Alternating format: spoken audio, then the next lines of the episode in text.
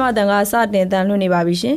မင်္ဂလာညချမ်းပါရှင်ဒီကနေ့မြန်မာတက္ကရာ1385ခုနှစ်ပထမဝါဆိုလာစုပ်တရက်နေ့ခရစ်တက္ကရာ2023ခုဇူလိုင်လ3ရက်တနင်္လာနေ့ညပိုင်းဒီမိုကရက်တစ်မြန်မာတန် DVB ရဲ့ချစ်တော်ကပါမြေရေဒီယိုအစီအစဉ်ကိုစတင်နေပါပြီ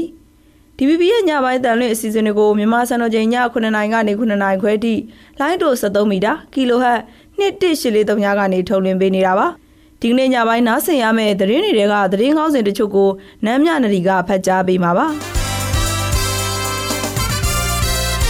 ဟုတ်ကဲ့ပါဒီကနေ့ညမှာတော့မိုခါမုန်တိုင်းတင်ရခိုင်ပြည်နယ်မှာတစ်ပင်တွေသိမ်းတဲ့ချီပြန်လဲစိုက်ပျိုးနေကြတဲ့တဲ့ရှမ်းပြည်နယ်မြောက်ပိုင်းမိုးမိတ်မြို့နယ်မှာမိုးသီးထန်စွာရွာသွန်းပြီးရေကြီးနေတဲ့တဲ့နဲ့အိန္ဒိယနိုင်ငံမှာရေကြီးပြီးလူတွေသေဆုံးအများပြားထိခိုက်ပျက်စီးခဲ့တဲ့တဲ့တွေကိုနားဆင်ရဖို့ရှိပါတယ်ရှင် ဒီကနေ့ဆောင်းပါးအစီအစဉ်မှာတော့ရာသီဥတုပြောင်းလဲမှုကြောင့်လူသားတွေရဲ့အနာဂတ်ဟာခက်ခဲကြမ်းတမ်းလိမ့်မယ်ဆိုတဲ့အချက်ကိုတော့အားလုံးသဘောတူကြပါတယ်ကမ္ဘာမြေရဲ့စိန်ခေါ်မှုကြီးများအနာဂတ်မျိုးဆက်များအတွက်အမွေဆောင်းပါးကိုထုတ်လွှင့်ပေးဖို့ရှိပါတယ်ဒီကနေ့အစီအစဉ်တွေကိုတော့ကျမဒီဇူလိုင်နဲ့တူကျမနာမည်နဒီတို့ကတင်ဆက်ပေးသွားကြမှာပါကဲနမ်းမြနဒီရေဒီကနေ့ထူးခြားတဲ့သတင်းတွေတင်ဆက်ပေးကြရအောင်နော်ဟုတ်ကဲ့ပါ ကမ္ဘာမိုးလေဝသဌာနတွေရဲ့ကြိုတင်ခန့်မှန်းချက်အရ ဘင်္ဂလားပင်လယ်အော်အနောက်အလယ်ပိုင်းမှာဇူလိုင်လ3ရက်ဒီကနေ့ညနေပိုင်းအထက်အမြင့်ပေ2500နဲ့2400ကြားမှာအထက်လေဝဲဖြစ်လာနိုင်မဲ့အခြေအနေကတေချာသလောက်ရှိနေပြီလို့မိုးလေဝသပညာရှင်ဦးဝင်းနိုင်ကထုတ်ပြန်ထားပါတယ်။လေဝဲဟာဒီကနေ့ညနေပိုင်းမှာတိတိတသားအားကောင်းလာနိုင်ပြီးမြောက်နောက်မြောက်ဖက်အိန္ဒိယနိုင်ငံအရှေ့ဘက်ကမ်းခြေမြို့တွေအနီးကနေကုန်းတွင်းပိုင်းကိုရွေ့လျားဝင်ရောက်သွားမယ်လို့ခန့်မှန်းပါတယ်။ဒါပေမဲ့လေပြင်းအားနဲ့ရောက်ဝင်တဲ့မုန်တိုင်းတွေဖြစ်လာနိုင်မဲ့အခြေအနေမရှိဘူးလို့ဆိုပါတယ်။ဒီအခြေအနေကြောင့်မြန်မာနိုင်ငံအနှံ့ပြားမှာတော့မိုးရေဆက်ရွာနိုင်ပြီးမြေဝကျွန်းပေါ်နဲ့ရခိုင်ကမ်းနီးပင်လယ်ပြင်ရေလုံငါလောက်ကွက်တွေမှာလေတိုက်နှုန်းတနအီမိုင်30ကနေ40ထိရှိနိုင်ပြီးလှိုင်းမြင့်ပေ10ပေမိုင်10ပေထိရှိလာနိုင်တယ်လို့ခန့်မှန်းပါတယ်။နောက်လာမယ့်9ရက်အတွင်းမကွေးတိုင်းနဲ့မန္တလေးတိုင်းအတွင်းမြို့နယ်တွေမှာမိုးနှဲနိုင်ပြီးကြံပြည်နယ်နဲ့တိုင်းဒေသတွေမှာတော့မိုးပြန်များလာနိုင်တယ်လို့ခန့်မှန်းထားပါတယ်။ ARD တိုင်းရန်ကုန်တိုင်းနဲ့စကိုင်းတိုင်းတွေကတဘာဝဘေးနဲ့ခံရတဲ့မိသားစုတချို့ကိုရိတ်ခါနဲ့ငွေကြေးအကူအညီတချို့ပေးခဲ့တယ်လို့လူကယ်ပြန်ဌာနကထုတ်ပြန်ပါတယ်။ ARD တိုင်းရေကြီးမြို့နယ်ကတောင်ကြီးကျွော်မှာချွန်လ25ရက်နဲ့26ရက်နေ့ကကမ်းပြိုပေးကြောင်းကြိုတင်ဖြတ်သိမ်းပြောင်းရွှေ့ခဲ့ရတဲ့အိမ်ခြေနှလုံးအတွက်အိမ်ဆောက်ပစ္စည်းဖို့ကျပ်2သိန်းနဲ့အိမ်နောက်စုနှစ်စုမှလူဦးရေ10ဦးအတွက်စံရိတ်ခါတစ်ပတ်စာကျပ်2100ပေးခဲ့တယ်လို့ဆိုပါတယ်။ရန်ကုန်ရှိပြည်သားမြို့နယ်အမှတ်14ရပ်ကွက်နဲ့အမှတ်18ရပ်ကွက်ကအိမ်နောက်စုတွေနဲ့လူဦးရေ30လောက်အတွက်စံရိတ်ခါဖို့ပါဝင်စုစုပေါင်းထောက်ပံ့ငွေကျပ်3သိန်း3000နီးပါးပေးခဲ့တယ်လို့သိရပါတယ်။ အလားတူစကိုင်းတိုင်းကတာခရိုင်လမ်းကွာကျေးရွာမှာလည်းလေပြင်းတိုက်ခတ်ပြီးမိုးတဲထန်အောင်ရွာသွန်းတာကြောင့်နေအိမ်ပျက်စီးသွားတဲ့အိမ်တော်စုနှစ်စုလူဦးရေရှိဦးအတွက်အိမ်ဆောက်ပစ္စည်းဖို့နဲ့ဆန်ရိတ်ခါဖို့ပါဝင်စုစုပေါင်းထောက်ပံ့ငွေတသိန်းတစ်သောင်းခွဲလောက်ထောက်ပံ့ပေးခဲ့တယ်လို့ဆိုပါတယ်လူကယ်ပြန်ဌာနနဲ့မိသက်တပ်ဖွဲ့ဝင်တွေကြက်ချင်တွေနဲ့အကြောင်းသူအကြောင်းသားတွေပူးပေါင်းပြီးမွန်ပြည်နယ်တထုံနဲ့ပေါင်မြို့တနင်္သာရီတိုင်းတဝဲရန်ကုန်တိုင်းတန်လင်းနဲ့နေပြည်တော်ကောင်စီနယ်မြေတွေမှာငလင်ဘေးအန္တရာယ်ကြိုတင်ကာကွယ်ရေးစက်တိုက်လေ့ကျင့်တာတွေတဘာဝဘေးအန္တရာယ်ဆိုင်ရာအသိပေးဟောပြောပွဲတွေကျင်းပနေတယ်လို့လည်းသိရပါတယ်ရှင်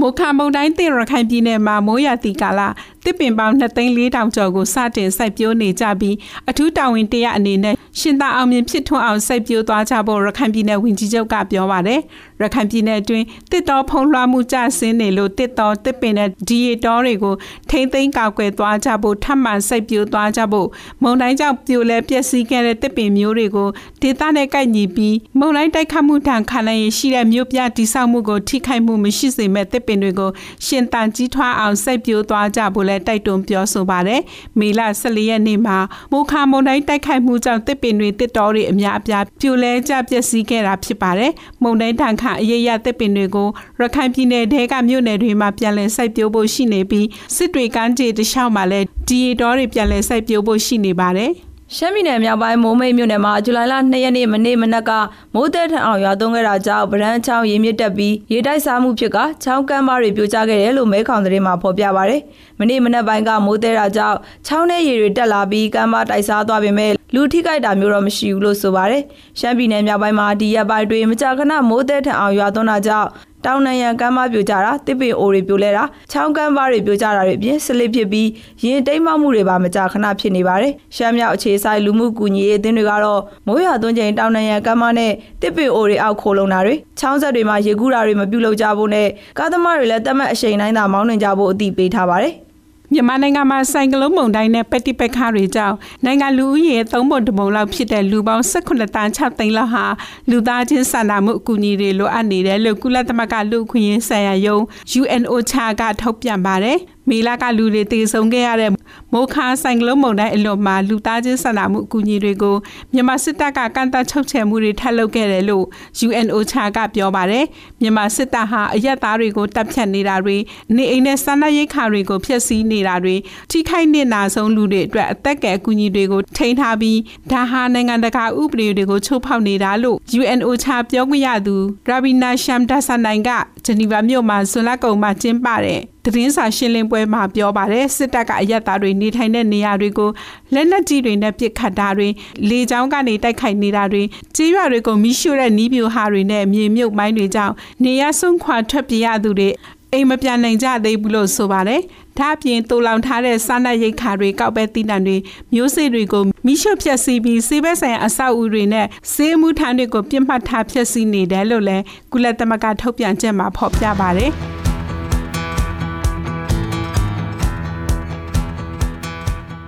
တော်တာရှင်များရှင် DPP ရဲ့ရေဒီယိုအစီအစဉ်တွေကိုနားဆင်နေကြရတာပါအခုဆက်လက်ပြီးမိုးလေဝသသတင်းတွေကိုဆက်လက်တင်ဆက်ပေးမှာဖြစ်ပါတယ်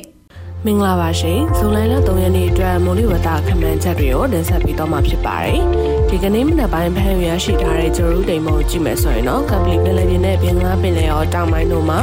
မုတ်တုံလေးအားကောင်းနေပြီးတော့ကျန်ဘင်္ဂလားပင်လယ်အော်မှာတော့မုတ်တုံလေးအားသင့်တင်ရှိနေပါတယ်မနက်ဖြန်ညနေအထိမိုးလေဝသခန့်မှန်းချက်တွေနေနေရတော့ မြဝကျုံပေါ်မုံတမကွေမိုးနဲ့တနင်္သာရီကမ်းရန်ရှောင်းနဲ့ကာလွန်ဘယ်လဲကျင်းတို့မှာတခါတည်းရမိုးသက်လေပြင်းတွေကြာရောက်ပြီးတော့လှိုင်းကြီးနိုင်ပါတယ်မိုးသက်လေပြင်းကြာနေတဲ့အချိန်မှာရေပြင်းပြင်းပြင်းလေးရဲ့တနာရီကို35မိုင်ရနေမိုင်40နှုန်းတိုက်ခတ်နေပါတယ်ကျန်မြမပင်လေပြင်းမှာတော့လှိုင်းတဲ့တဲ့ရှိနိုင်ပါတယ်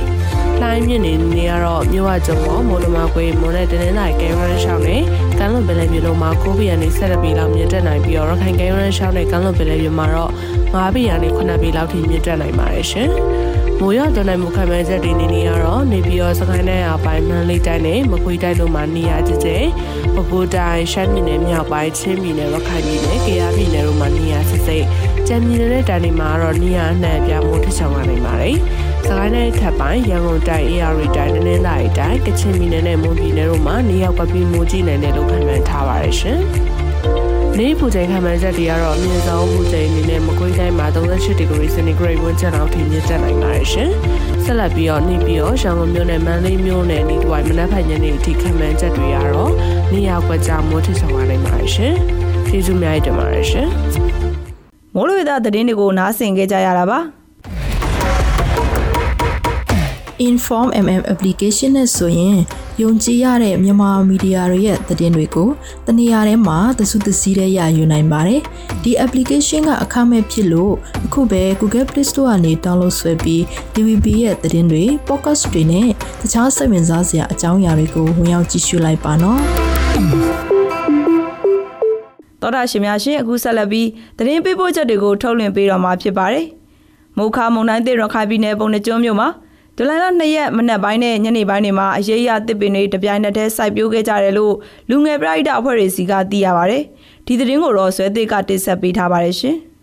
ပုံနာကျွန်းမြို့နယ်တင်မုံနန်းကျွန်းကျေးရွာ9ရွာကရွာချင်းဆက်လန်းတွေမှာမနေ့မနက်ပိုင်းနဲ့ညနေပိုင်းတွေမှာစိမ့်လန်းစီအဖွဲ့ကကူညီထောက်ပံ့ပေးတဲ့အရေးရတစ်ပင်တစ်ထောင်ကိုပရဟိတလူငယ်တွေစူပါမီတပြိုင်နက်တည်းစိုက်ပျိုးခဲ့ကြတယ်လို့အလဲချောင်းကျေးရွာဖွံ့ဖြိုးတိုးတက်ရေးလူငယ်အသင်း ATYO ရဲ့ဥက္ကဋ္ဌကိုဇော်နိုင်မင်းကပြောပါတယ်။ ဝန်ကျမြို့နယ်ပေါ့နော်။ဝန်ကျမြို့နယ်တင်မွန်တော်ကျွန်းကျွန်တော်တို့ဒီရွာ9ရွာရှိတယ်။ဒီတင်မွန်တော်ကျွန်းကရွာ9ရွာရှိတယ်။ဒီနေ့တပြိုင်တည်းတည်းပေါ့နော်။တပြိုင်တည်းတည်းလာပြီးတော့စစ်ပြတာဖြစ်တယ်။ပင်ကတော့တစ်ထောင်တစ်ထောင်တစ်ထောင်ယူထားတာဖြစ်တယ်။ထောက်ပံ့ပေးတာဖြစ်တယ်။ဒီပေဖေးစရတဲ့ဆိုတော့ဗိုက်တာအဖွဲ့ပေါ့နော်။အခုဒါစိမ့်လန်းစီဆိုတဲ့ဗိုက်တာအဖွဲ့ကထောက်ပံ့ပေးတာဖြစ်တယ်။ဒီတပြိုင်တည်းတည်းပေါ့နော်ဒီနေ့တပြိုင်တည်းတည်းတလင်းငနယ်လေးမှာစစ်စစ်ပြတာဖြစ်တယ်။ရွာ9ရွာစလုံးပေါ့။ ကျွန်တော်တို့ကျွမ်းရွာပေါ့နော်အဲတာယာလှပဖို့အတွက်စိမ့်လက်ဆိုပြလာပေါ့ဒီပြီးတော့ဒီတဘောပိုင်းဝင်ကြီးတွေဆိုးရလာတာဒီတနေ့တည်းနဲ့ဘာကြီးမှာပေါ့နော်အဲအဲ့ဒါတော့ပို့ပြီးတော့စိမ့်လက်ဆိုပြလာဖို့အတွက်ဘိုင်းတာယာလှဖို့အတွက်စက်ပြတာဖြစ်တယ်ပြီးတော့ဒီခုတင်ကြိုင်ကပဲဘောဟာမူတွေကတိတ်တိတ်သွားတယ်ပေါ့နော်နောက်ထပ်လည်းဒီတဘောပိုင်းဝင်ကြီးတွေပို့ပြီးဆိုးရလာနေတဲ့အတွက်နောက်ထပ်လည်းရှိလာနိုင်တယ်ဒါကြောင့်ဒီကျူတင်ကောက်ွယ်ပြီးတော့စိတ်တာပါဒီလိုတဖို့ပါမယ်ပို့ပြီးတော့တာယာလှပဖို့အတွက်အဲ အဲ့ဒီမရှိအောင်ခေါ်လိုက်တာတွေရှိတယ်အဲ့ဒါတဘောကောင်းချောဒီဆိုးရစေတယ်ပေါ့နော်တဘောအယူဆတယ်လည်းမှားယွင်းနေတယ်လို့ထင်တယ်စားထိုးတာစားစားထိုးပြီးတော့ပြန်စိတ်သက်တယ်လို့ထင်တယ်အဲ့ဒါအယူဆမှားနေတာပါအဲ့လိုပဲမြင်ပါတယ်ဗျ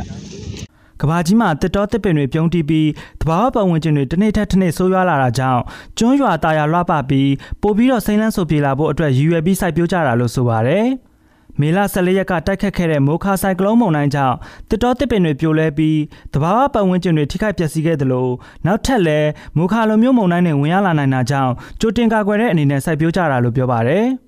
မူခါမွန်တိုင်းမတိုက်ခင်ကနေအိမ်ချံဝန်းတွေမှာစိုက်ပျိုးထားတဲ့သစ်ပင်တွေကိုအနေရမရှိအောင်ကြိုတင်ခုတ်လဲတာတွေကတဘာဝပတ်ဝန်းကျင်ကိုပုံမဆိုးရွားစေကမှားယွင်းတဲ့အယူဆဖြစ်လို့သစ်ပင်တွေပြန်လည်အစားထိုးစိုက်ပျိုးတင်တယ်လို့ဒေသခံတဘာဝပတ်ဝန်းကျင်အရေးလှုပ်ရှားသူတွေကပြောပါတယ်။ ကျွဲချကျေးရွာမျိုးဆက်တစ်တော်အာမန်အတင်းကအတင်းသူမထထေးရင်က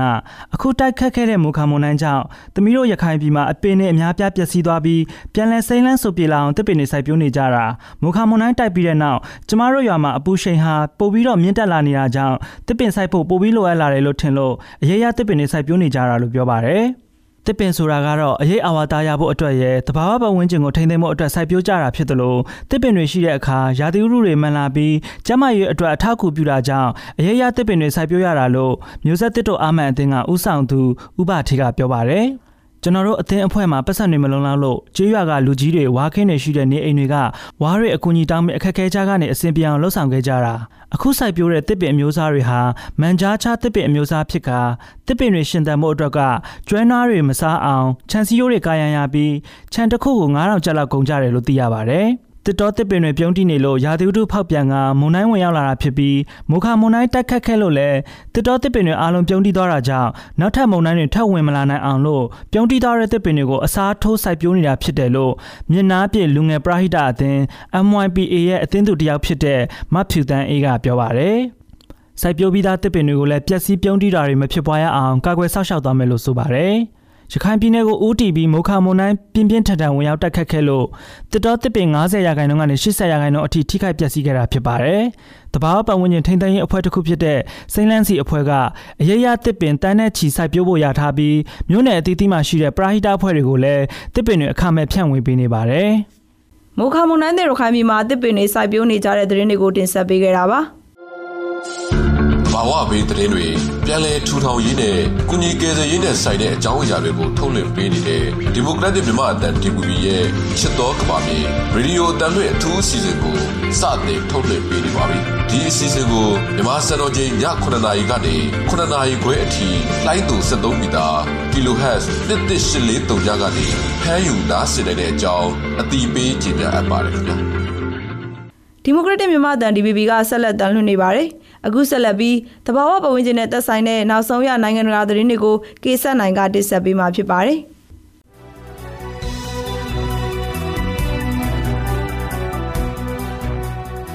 အိန္ဒိယနိုင်ငံဂူဂျာရက်ပြည်နယ်မှာ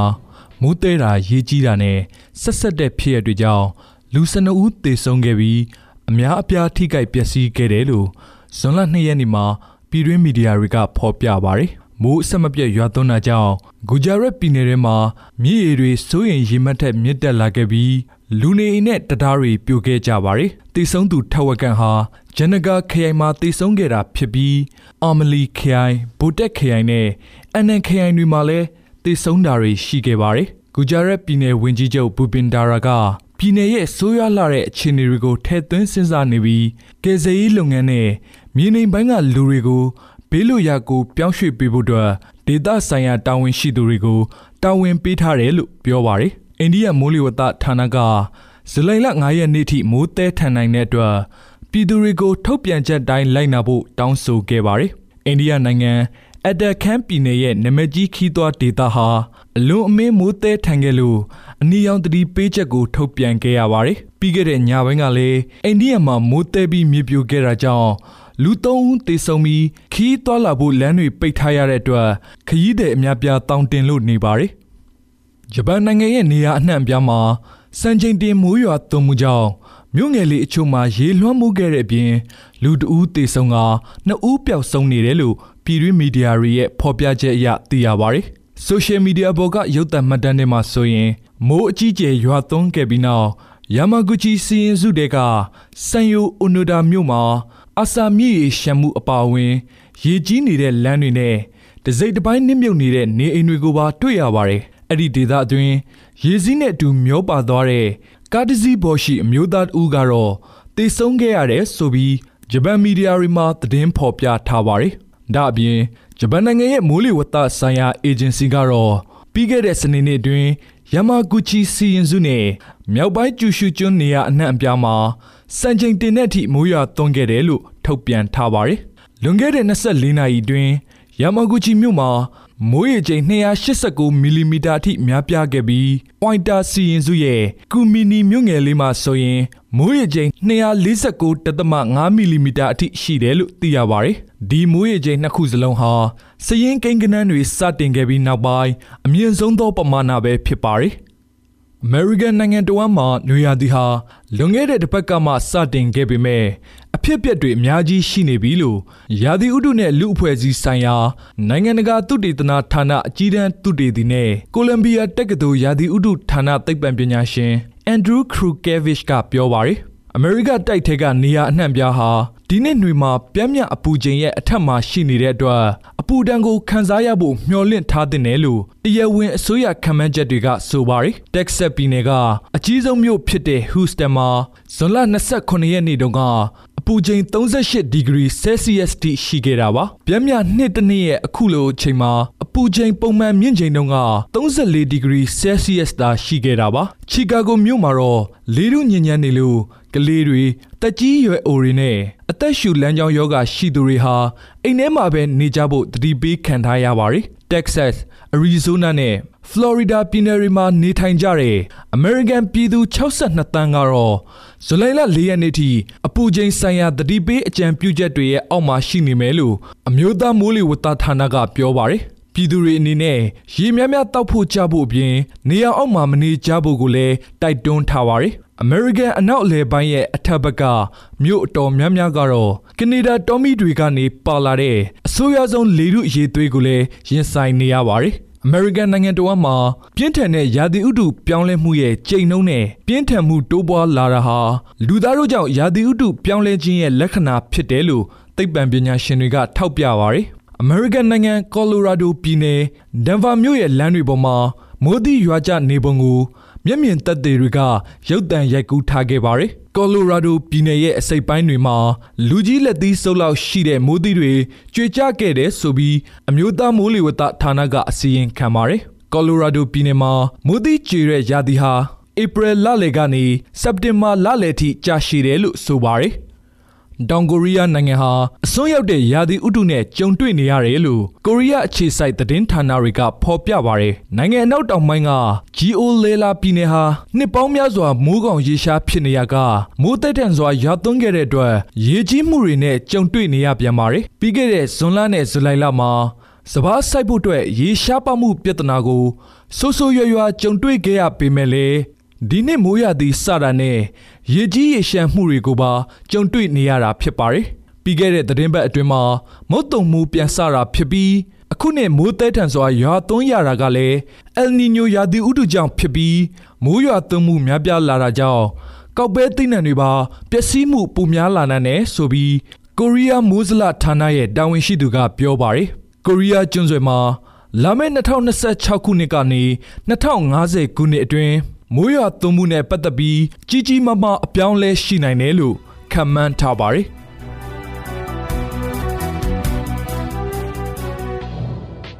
တဘာဝပတ်ဝန်းကျင်နဲ့သက်ဆိုင်တဲ့နိုင်ငံတကာသတင်းတွေကိုနားဆင်ကြကြရတာပါတဘာဝဘေးသတင်းတွေပြန်လည်ထူထောင်ရေးနဲ့ကုညီကယ်ဆယ်ရေးနဲ့သက်ဆိုင်တဲ့အကြောင်းအရာတွေကိုထုတ်လွှင့်ပေးနေတဲ့ဒီမိုကရက်တစ်မြန်မာအသံ DVB ရဲ့ ချစ်တော်ပါမြေရေဒီယိုအသံလေးအထူးအစီအစဉ်ကိုစတင်ထုတ်လွှင့်ပေးနေပါပြီ။ဒီအစီအစဉ်ကိုမြန်မာစံတော်ချိန်ည9:00နာရီကနေ9:00နာရီခွဲထိလိုင်းတို73မီတာ kHz 11843ညကနေဖမ်းယူနားဆင်နိုင်တဲ့အကြောင်းအတည်ပြုကြေညာအပ်ပါတယ်ရှင်။တော်ရရှင်များရှင် မုတ်တုံရသည့်အတွင်းရေလွှမ်းမိုးမှုအန္တရာယ်ကနေကြိုတင်ကာကွယ်နိုင်ဖို့နဲ့ရေကြီးရေရှာမှုတွေကိုကြိုတင်ပြင်ဆင်ထားနိုင်ဖို့အတွက်ကမ္ဘာ့ကျန်းမာရေးအဖွဲ့ WHO ရဲ့အကြံပြုချက်တွေကိုထုတ်လွှင့်ပေးမှဖြစ်ပါတယ်။နားဆင်နိုင်ပါပြီရှင်။မြို့ပြတွေမှာရေကြီးရေရှာမှုများအတွက်ဖော်ပြပါချက်တွေကိုပြင်ဆင်ထားသင့်ပါတယ်။သက်ဆိုင်ရာတာဝန်ရှိသူများကအကြံပြုပါကမြေနေသောနေရာများတွင်နေထိုင်သူများကိုဘေးကင်းရာသို့ရွှေ့ပြောင်းပါ။ အဖိုးတန်ပစ္စည်းများကိုအိမ်ရှိအထက်မြင့်စင်ပေါ်တွင်ထားပါ။မိုးလေဝသခန့်မှန်းချက်နဲ့သတိပေးချက်များသို့မဟုတ်ဘေးလွတ်ရာရွှေ့ပြောင်းခြင်းဆိုင်ရာကြေညာချက်များကိုအမြဲတမ်းရှိပါ။အမိုင်းနှင့်ပလတ်စတစ်ပစ္စည်းများကိုရေမြောင်းများတွင်မစွန့်ပစ်ပါနဲ့။လေးလွတ်ရာသို့ထွက်ခွာစဉ်ဖော်ပြပါပစ္စည်းတွေကိုရေစိုးကန်အိတ်များဖြင့်တည်ဆောင်သွားပါ။လက်နေတမီ6တွေ့သောအစားအစာတောက်ရည်6တွေ့သောဝေစားများ ID ကတ်များအရေးကြီးသောစေဝါများရှေးဥတူနာပြုစေးသစ်တာ ခိုင်ခန့်သောကြိုးများကရိုရင်းဆေးပြလိုအပ်သောရည်ကြီးစာရွက်စာတမ်းများ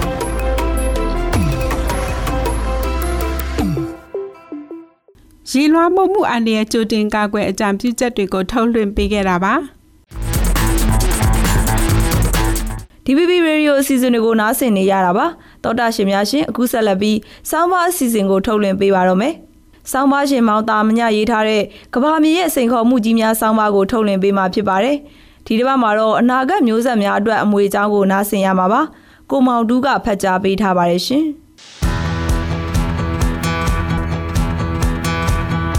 ကမ္ဘာရာသီဥတုပြောင်းလဲမှုကြောင့်သဘာဝဘေးဆိုးတွေပုံမူပေါ်ပေါက်လာနေပါပြီ။ဒီဘေးဆိုးတွေဟာပုံမူအားကောင်းလာလိမ့်မယ်လို့လည်းပညာရှင်တွေကတညီတညွတ်ကြီးဟောကိန်းထုတ်နေကြပါတယ်။လူပယောဂကြောင့်ဖြစ်လာတဲ့သဘာဝဘေးဆိုးတွေကလူသားမျိုးနွယ်ကို ပြန်လက်စားချေတာများလားလို့လည်းတချို့ကပြောနေကြတာပါ။ဒီလိုသဘာဝဘေးဆိုးတွေကြောင့်လူသားမျိုးနွယ်ပြတ်သုံးသွားလိမ့်မလားဆိုတဲ့စိုးရိမ်ပူပန်နေတဲ့သူတွေလည်းရှိနေပါတယ်။လူသားမျိုးနွယ်ပြတ်သုံးတဲ့အထိဖြစ်နိုင်ခြေရှိနေပြီလားဆိုတာကိုတွက်ချက်နေသူတွေလည်းမနှဲလှပါဘူး။သဘာဝဘေးဆိုးတွေရဲ့ဒဏ်ကိုတိုက်ရိုက်ခံစားရပြီးမျိုးတုံးသွားလိမ့်မလားဒါမှမဟုတ်သဘာဝဘေးဆိုးတွေကတစ်ဆင့်ဖြစ်ပွားတဲ့အခြေအနေတွေကြောင့် တွယ်ဝိုက်ထိခိုက်ပြီးမျိုးတုံးသွားလိမ့်မလားဆိုတာကိုလည်းနီလန်းမျိုးမျိုးနဲ့အပြေရှားကြည့်နေကြပါတယ်။ဓာတိဥတုပြောင်းလဲမှုကြောင့်လူသားတွေရဲ့အနာဂတ်ဟာခက်ခဲကြမ်းတမ်းလိမ့်မယ်ဆိုတဲ့အချက်ကိုတော့အားလုံးသဘောတူကြပါတယ်။လူသားမျိုးနွယ်ကိုတိုက်ရိုက်မျိုးတုံးစေနိုင်မဲ့အချက်တွေကတော့အပူချိန်မြင့်မားမှုပင်လယ်ရေပြင်မြင့်တက်မှုနဲ့စိုက်ပျိုးရေးလုပ်ငန်းပျက်စီးမှုတွေပဲဖြစ်တယ်လို့သတ်မှတ်ထားကြပါတယ်။လူသားတွေ မခံနိုင်တော့တဲ့အပူချိန်ကိုရောက်ပြီးရင်ဖြစ်ဖြစ်လူသားတွေနေထိုင်လို့မရတော့တဲ့အထိပင်လယ်ရေပြင်မြင့်တက်လာရင်ဖြစ်ဖြစ်လူသားတွေစားသုံးမှုအတွက်ပြီးနံထုတ်လုပ်တဲ့စိုက်ပျိုးရေးလုပ်ငန်းတွေလုံးဝပျက်စီးသွားရင်ဖြစ်ဖြစ်လူသားမျိုးနွယ်တွေရဲ့အသက်ရှင်မှုဟာရပ်တန့်သွားရတော့မှာဖြစ်ပါတယ်။လက်ရှိအနေအထားကိုတွက်ချက်ကြည့်တဲ့အခါဖန်လောင်ရင်အကျိုးသက်ရောက်မှုကြောင့်အဆိုးဆုံးတိုးလာနိုင်တဲ့အပူချိန်က73ဒီဂရီစင်တီဂရိတ်ပါပဲလို့ ပညာရှင်တွေကအဖြေထုတ်ထားပါတယ်။အဲ့ဒီအဆိုးဆုံးအပူချိန်ကိုရောက်သွားတဲ့အခြေအနေမှာတော့လူသားမျိုးနွယ်တုံးသွားတော့မှာမဟုတ်ဘူးလို့ဆိုပါတယ်။အဲ့ဒီအဆင့်ရောက်အောင်အပူချိန်တိုးဖို့ဆိုတာကလည်းမဖြစ်နိုင်ဘူးလို့ဆိုကြပါတယ်။ပင်လယ်ရေမျက်နှာပြင်မြင့်တက်လာမှုကလည်းလူသားမျိုးနွယ်ကိုတုံးအောင်လုပ်နိုင်တဲ့အနေအထားထိမရောက်နိုင်ဘူးလို့အဖြေထွက်ပါတယ်။ကမ္ဘာပူနွေးမှုဟာအပူချိန်5ဒီဂရီစင်တီဂရိတ်ထိ တိုးမြင့်သွားနိုင်တဲ့2100ခုနှစ်မှာတော့အများဆုံး2မီတာအထိပဲမြင့်တက်နိုင်ပါပါ6ဒီဂရီစင်တီဂရိတ်ထိအပူချိန်တိုးလာနိုင်မဲ့2300ခုနှစ်မှာဆိုရင်လည်းအများဆုံး15မီတာအထိပဲမြင့်တက်ပါလိမ့်မယ်အဆိုးဆုံးအဆင့်73ဒီဂရီစင်တီဂရိတ်အထိတိုးလာရင်တော့မီတာ80အထိပင်လယ်ရေပြင်မြင့်တက်လာနိုင်ပေမဲ့ရေပြင်အားလုံးကတော့ရေအောက်ရောက်သွားဖို့မရှိပါဘူးလို့ ပညာရှင်တွေကပြောပါတယ်အပူချိန်တွန်းမြင့်လာတဲ့အတွက်စိုက်ပျိုးရေးလုပ်ငန်းတွေထိခိုက်ပေမဲ့အဆိုးဆုံးဆိုတဲ့73ဒီဂရီစင်တီဂရိတ်ထိအပူချိန်တိုးလာရင်တော့မှဘာမှစိုက်ပျိုးလို့မရအောင်ထိခိုက်မှာမဟုတ်ဘူးလို့ဆိုပါတယ်အစာရှားပါမှုကြောင့်လူတွေတန်ပေါင်းများစွာတေးကျင်နိုင်ပေမဲ့တယောက်မှမကြံတော့တဲ့အထိမဖြစ်နိုင်ဘူးလို့ပြောကြပါတယ်ဒီပညာအသစ်တွေနဲ့စိုက်ပျိုးရေးကိုပုံမဖွံ့ဖြိုးအောင်လှုပ်လာကြမှာလို့ ဆိုပါတယ်ရာသီဥတုပြောင်းလဲမှုကြောင့်လူသားမျိုးနွယ်အသက်ရှင်လို့မရတော့တဲ့အထိတိုက်ရိုက်ဆိုးကျိုးမဖြစ်နိုင်ပေမဲ့တွေ့ဝိုက်ပြီးတော့ဖြစ်နိုင်မလားဆိုတာကိုလည်းပညာရှင်တွေတွက်ချက်ကြပါတယ်။ရာသီဥတုပြောင်းလဲမှုကြောင့်သဘာဝဘေးဆိုးတွေထွက်ပေါ်လာတဲ့အခါလူသားချင်းချင်းပြိပခဖြစ်တဲ့အနေအထားရောက်လာပြီးလူသားမျိုးနွယ်တုံးတဲ့စစ်ပွဲတွေဆက်ဖြစ်လာနိုင်တဲ့အချက်ကိုအဖြေထုတ်ကြည့်ကြတာပါ။ပင်လယ်ရေပြင်မြင့်တက်လာရင် လူနေဒေသတွေကိုရေလွှမ်းမိုးပြီးအရွှေ့ပြောင်းလုပ်ကြရမှာပါ။ပင်လယ်ရေပြင်နှစ်ပေလောက်မြင့်တက်ရင်ပဲလူ82တန်းရွှေ့ပြောင်းနေထိုင်ကြရလိမ့်မယ်လို့အဖြေထွက်ပါတယ်။အပူချိန်6ဒီဂရီစင်တီဂရိတ်တိုးလာတဲ့အခါပင်လယ်ရေပြင်က2မီတာအထိမြင့်တက်လာပြီးကမ္ဘာလူဦးရေရဲ့2.5ရာခိုင်နှုန်းနေရာပြောင်းရွှေ့ကြရမှာဖြစ်ပါတယ်။လက်ရှိလူဦးရေနဲ့တွက်ရင်တန်းနေရာရှိပါမယ်။ အပူချိန်တိုးလာတာနဲ့မျှလူတွေရဲ့အရွှေ့ပြောင်းနေများပြားလာပြီးစီးပွားရေးနဲ့အုပ်ချုပ်ရေးကအစကျန်းမာရေးနဲ့ပညာရေးအစုံဘယုံသုံးကားဖြစ်လာပါမယ်။ရာဇဝတ်မှုတွေနဲ့အကြမ်းဖက်မှုတွေကတိုးပွားလာမယ်။ဒါကြောင့်ပြိပခါတွေဟာရှောင်လို့ရတော့မှာမဟုတ်သလိုအဲ့ဒီကတဆင့်နိုင်ငံချင်းစစ်ပွဲ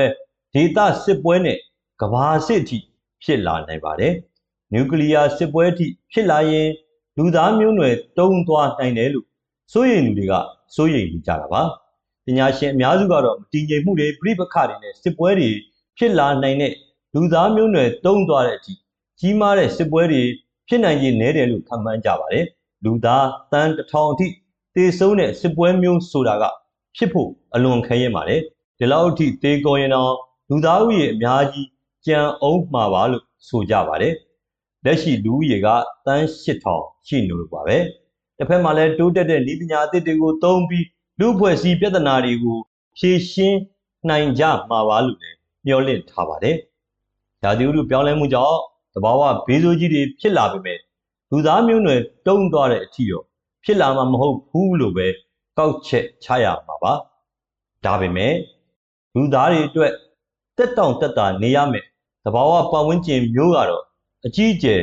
ဆုံးရှုံးရဖို့ရှိပါတယ်။တကယ်တော့ လူသားတွေအတွက်တဘာဝဘေးဆိုးတွေကလွတ်ကင်းတဲ့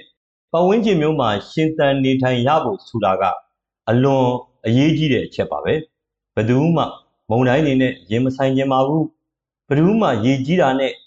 မိုးခေါင်တာကိုမကြုံကျင်ကြပါဘူးဘယ်သူမှတော်မီလောင်တာအပူလိုင်းရိုက်ခတ်တာကိုမခံစားကျင်ကြပါဘူးဘယ်သူမှ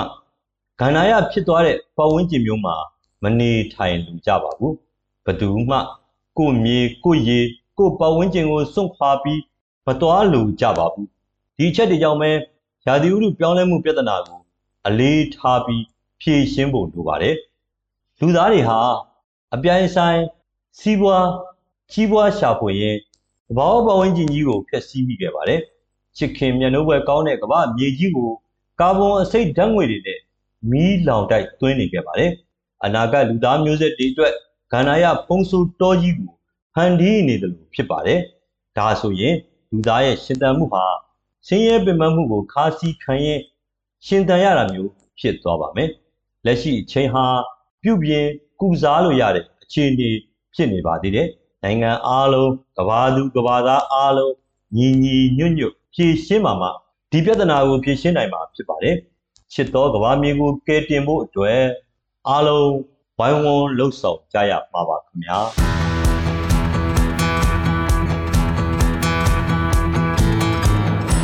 ကဘာမြေရဲ့စိန်ခေါ်မှုကြီးများဆောင်းပါးကိုနားဆင်ခဲ့ကြရတာပါဒီမိုကရက်တစ်မြန်မာတန် DVB ရဲ့ချစ်တော်ကဘာမြေတနင်္လာနေ့ညပိုင်းရေဒီယိုအတန်လင့်အစီအစဉ်လေးဒီမှာရင်ပဲပြီးဆုံးပြီဖြစ်ပါတယ် ဒီအစီအစဉ်ကိုမနေ့ပြန်မှာလဲမြန်မာစံတော်ချိန်ည9:00နာရီကနေ9:00နာရီခွဲထိလိုင်းတို73မီတာကီလိုဟတ်2183ညကနေထုတ်လွှင့်ပေးနေဦးမှာမို့စောင့်မျှော်နှားဆင်နိုင်ပါတယ်ရှင် DBB ရဲ့ချစ်တော်ပါမြေရေဒီယိုတန်လင့်အစီအစဉ်ကိုအင်တာနက်စာမျက်နှာ www.burmese.dbb.no website Facebook YouTube နဲ့ DBB New Pocket Channel Spotify Apple နဲ့ Google တို့မှာလည်း smartphone ကနေတဆင့်နားဆင်နိုင်တဲ့အကြောင်းသတင်းကောင်းပါအပ်ပါတယ် ဒီကနေ့အစီအစဉ်တွေကိုတော့ကျွန်မဒီဂျူလိုင်းနဲ့တူနမ်းမြနဒီတို့ကတင်ဆက်ပေးခဲ့ကြတာပါတောတာရှင်ပေါင်းကျမ်းမာချမ်းသာကြပါစေ DBB ကိုနားဆင်တဲ့အတွက်အထူးပဲကျေးဇူးတင်ရှိပါတယ်ရှင်